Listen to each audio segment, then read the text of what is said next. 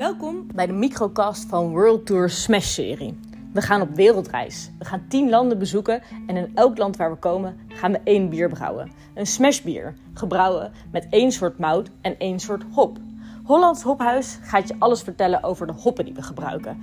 Over het karakter, de smaak, de oorsprong. En wij gaan je alles vertellen over de stijl van het bier en hoe we het hebben gebrouwen. Dus jongens, pak je spullen, we gaan op reis.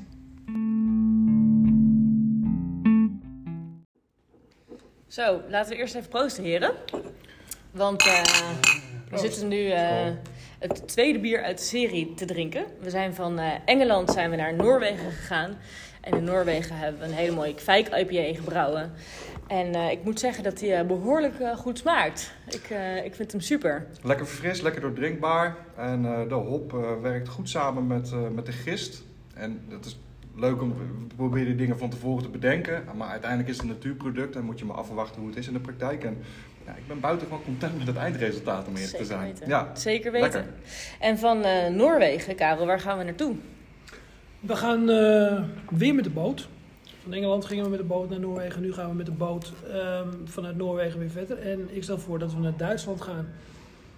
Ja, um, van oudsher een, een hop- en bierland. Dus laten we eens kijken wat we daar kunnen gaan doen. Zeker weten. En er zijn natuurlijk heel veel mooie stijlen in Duitsland te vinden. Uh, veel traditionele uh, stijlen. Maar wat gaan wij brouwen, Chris? Nou, we gaan voor een Kulsch. Um, we mogen hem niet zo noemen, maar daar kom ik zo meteen op terug. Uh, Kulsch is een stijl uit Keulen. Die licht, droog, verfrissend, bijna pilsachtig. Het is ontstaan eind jaren 1800 als, als reactie op de toen opkomende ondergistende bieren. Dus zoals in tegenstelling tot veel uh, Duitse bieren is dit dus een bovengistend bier. En um, dat is dus ontwikkeld eind 1800 en uh, sinds, 18, nee, sorry, sinds 1986 wordt dat beschermd door de Keulse Conventie. Wat eigenlijk inhoudt dat je gewoon alleen in Keulen en, en een bepaalde straat eromheen mag je het die stijl noemen. Vandaar dat wij dus een Kuls stijl maken. Um, maar wel compleet geïnspireerd op, uh, ja, op, op het bier wat daar vandaan komt. Dus tot en met de waterbehandeling zullen we de, het waterprofiel van daar benaderen. Uh, we gebruiken een mooie Duitse pilsmout. Um, vrij basic, maar die geeft ruimte als dekentje voor, voor de rest. Als gist gebruiken wij uh, WLP 029 van White Labs. Dat is een, uh, een kulsgist die is geïsoleerd uh, um, uit een cultuur van een uh, Kulse brewpub. Dus dat is heel tof. Dus we gebruiken ook wel een gist die daar vandaan komt. Die geeft een, um, in tegenstelling tot andere gisten in deze bierstijl een iets minder fruitig element. Hij is iets cleaner, iets strakker. En hij geeft ook wat meer ruimte voor de hoppen die we gebruiken. Uh, de hoppen die wij gaan gebruiken, die... Uh... Ja, um, nou, Keulen van oudsher ze natuurlijk gewoon uh, de brouwers uit Keulen de hop uit het Hallertaugebied. Dat is net boven München. En uh, toen de Keuls, um, ja, helemaal aan het begin van het, van het ontstaan van de Keuls bieren, is er veel gewerkt met Hallertau Mittelfru. Die kom je nu niet zo vaak meer tegen, want uh, de Mittelfroe is veel vervangen door de Hersbroeker Speet. Uh, die is iets um, resistenter tegen ziektes, dus die um, is wat veiliger om te gaan telen, zodat de opbrengst hoger blijft. Uh, er zijn een aantal telers die nog met Hallertau en Mittelfroe werken. Niet veel meer? Niet, niet heel veel, nee. Ik denk een, ja, drie. nou, misschien vier, maar... Um, haal me ten goede. Uh, maar het is natuurlijk wel geweldig dat we voor dit biertje uh, gewoon wel de Mittelfroe in gaan zetten. En niet met Hersbroek Speet werken, terwijl Hersbroek en Speet is ook een mooie hop. Maar we gaan natuurlijk voor het ultieme biertje. En daar hoort uh, de Hallertau Mittelfroe in. Hallertau, uh, ja, prachtig gebied. Uh, het hopgebied van Duitsland. En Duitsland is eigenlijk het grootste hopgebied ter wereld. Amerika gaat ze misschien inhalen of misschien net niet. Maar Duitsland is nummer 1 op dit moment. En als ik goed heb begrepen, is de Mittelfru is ook een, een landrace, zoals we dat zeggen. Dus de, de, hop is zo oud dat ze niet echt kunnen traceren waar het vandaan komt. Het is echt gewoon daaruit de natuur ja. ontstaan. Dus ja. het is echt ja, lokaal en dan dat krijg je het eigenlijk bijna Ja. niet dan. Het is eigenlijk de mammoet of de dino die nog wel in leven is. Ja, Ja, dus dat is, het is fijn dat, eh, Ja, dat, dat gebied dat, daar dat we daarmee werken. ja. Ja. is de optimale plek voor die, eh, eh, ja. Ja. voor, voor, de- voor deze hop. Om daar te laten groeien, dat, dat blijkt dus. ja. En je kan hem niet verhuizen naar andere delen in de wereld. Dan, dan, dan, dan Je ga kan ook wel verhuizen, maar ja. de, je krijgt een ander aromaprofiel. Ja. je Terraar is anders, hè? Ja, terraar, klimatologische omstandigheden. Ja. Ehm, En het is ook dichtgetimmerd trouwens, hè? want wat je net aangeeft over de keuls, dat we hem eh, een stijl mogen noemen. Eh, dat je niet keuls echt erop mag plakken, dat geldt ook voor de middelvroe. Je kan hem niet, niet verhuizen, want dan... eh, Oh, dat is nee, ook- oké. nee, de middelvroe Ja. is ook gewoon eh eh, Ja. dichtgetimmerd, ja. Ja. En om die hop dus ook in het recept nog wat meer ruimte te geven, hè, daar hebben we de, de gist op uitgekozen. Maar ook, ehm, het is een hop die vaak gewoon in de kook wordt gebruikt. Wij gaan hem in dit bier wat we ermee gaan maken, wat meer richting het eind doen. Zoals bijvoorbeeld een mooie hopstand, waardoor je toch ook wat andere kwaliteiten eh, van die hop wat meer naar buiten krijgt. Dus het is ook een manier waarop deze hop niet heel veel gebruikt wordt. Ja, waardoor die eigenlijk, hij mag zijn karakter laten zien, maar ook zo van, oh kijk, ik kan dit ook nog. Ja, de kruidige toets, eh, daar komen de telers vaak mee, dat die heel interessant is. Ja. Of je die eh, weet te vangen. Ja, dus ik ben Ja. heel benieuwd inderdaad hoe, Ja. die, eh, hoe die daarin gaat worden. Dus Ja, dat is eh, om Leuk. naar uit te kijken. Ja. Ja.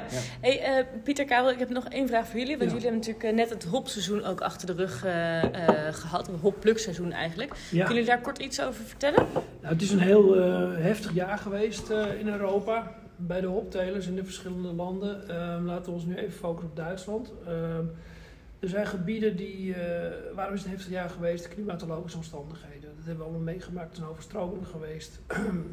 Ook in Duitsland. Er zijn hopvelden letterlijk weggespoeld. Waarin de hop met palen en al en bedrading door de rivieren dreef.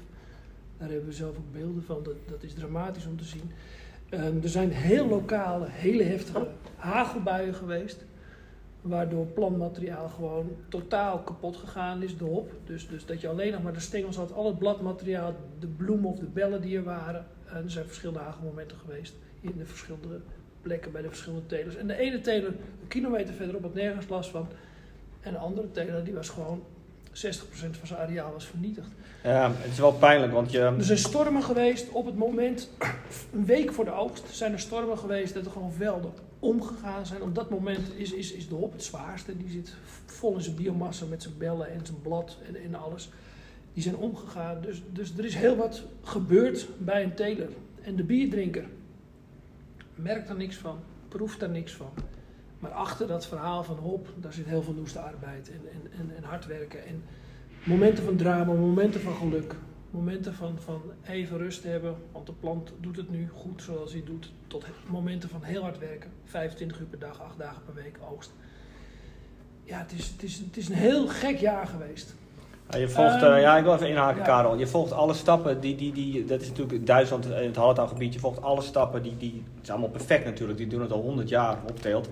En alle stappen kloppen. En als je dan drie weken voor de oogst een hagelbui krijgt, ja, er, er is niet een, een, een parasol die je eroverheen kan zetten. En, en dan, ehm, ja, je hebt natuurlijk de telers die spreek je, en dan, dan is er niet zoveel tekst meer. Dat is gewoon pijnlijk. Het, ehm, het product eh, loopt helemaal gesmeerd, maar ja, klimaatverandering hoor ik wel vaak terug, maar ja, dat, dat is ook maar een term, het is gewoon balen. Het is gewoon Het is gewoon iets wat je niet in de hand hebt. Nee, en, eh, Maar dan ook is het weer een knop om, want wat er is, moet natuurlijk geplukt worden, goed verwerkt worden.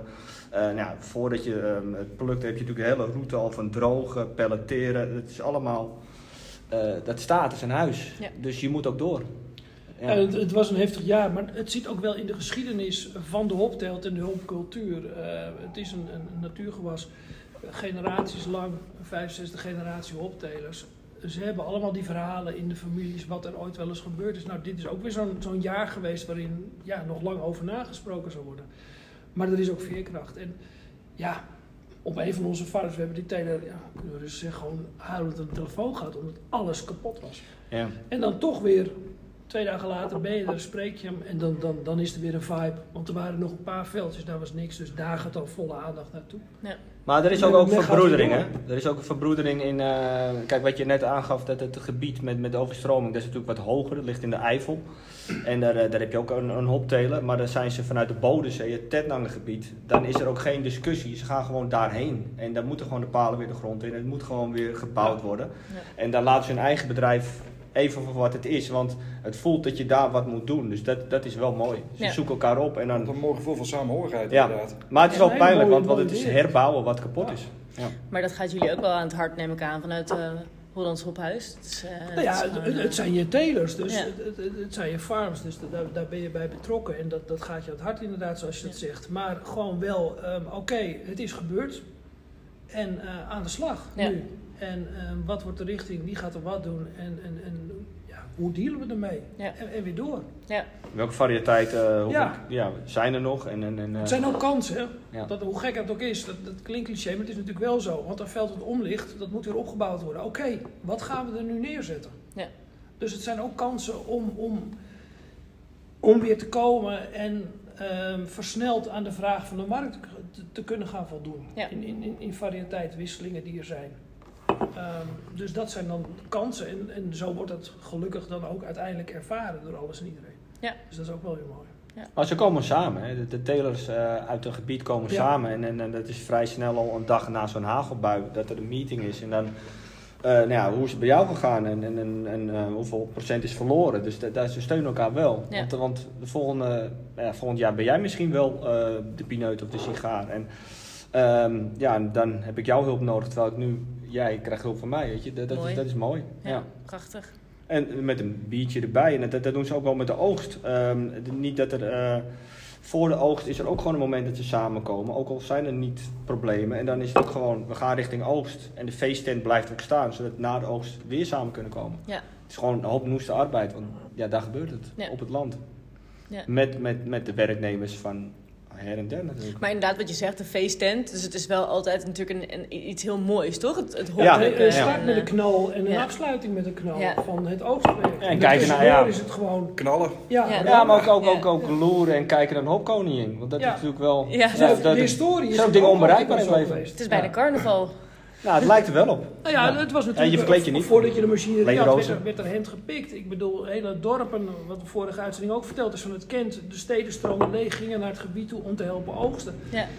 En daar zat men de hele dag op het veld met elkaar te plukken. Belletje voor belletje in de manden. En dat, dat, dat werd gedroogd enzovoort. Ehm, maar dat was, men, dat was ook een huwelijksmarkt. Men zat er een aantal weken met elkaar in de omgeving. En aan het eind was het dus ook weer feest. Want men ging allemaal weer weg en men had elkaar ontmoet. En het was ook een soort, ja... Maar je hebt ook geen haast om iemand te versieren, want je zit er toch drie weken Ja. naast. Dus er gebeurden ook mooie dingen. Ja, toch? Dat En is, uiteindelijk werd er nog nog een eens hop. anders dan Tinder inderdaad. dat is, dat is wel Ja. vluchtig allemaal. En Ja, een snel een- resultaat, Een, maar... een, een hopkoningin werd er, werd er uiteindelijk benoemd. Dus er was één, één, één meid die werd op het schild gehezen. En dat was de dame van dat jaar. Ja. Een, een dochter van een hopteler. Ik zie wel een dan. nieuw datingprogramma hoor. Je hebt die first dates, maar dan op de hopveld Ze en zullen zo. Jonas bellen. Wie weet. Leuk. hey, eh, heren, wij blijven nog even in Duitsland. Eh, maar we zijn natuurlijk Ja. ook alweer aan het plannen. Wat, eh, wat is de planning? Ja, de Europese reis. Ik denk dat we onze reis kunnen vervolgen naar een, een, een, een land wat, wat ehm, niet 1, 2, 3 aan bier. het eerste is wat opklopt. Men denkt vaak aan wijn. Ik stel voor dat we naar Frankrijk gaan. En laten ons inspireren door een, een Gallisch dorpje. Die daar met een levensdrank bezig waren. Waardoor ze sterk bleven en, en weerstand konden bieden. En laten we dat meegenemen in, in, in de hop. En eh, ja, daar wou ik het even bij laten. Zodat we dat de volgende keer aan kunnen geven welke hop eh, Ja. we gaan gebruiken. Ik ben benieuwd. Misschien heeft iemand al een idee. Laat het vooral weten. En ehm, ja, ik zou zeggen, laten we nog een keer proosten. En tot de volgende. Ja, Tot de Ja. volgende mensen. To the good Proost. life.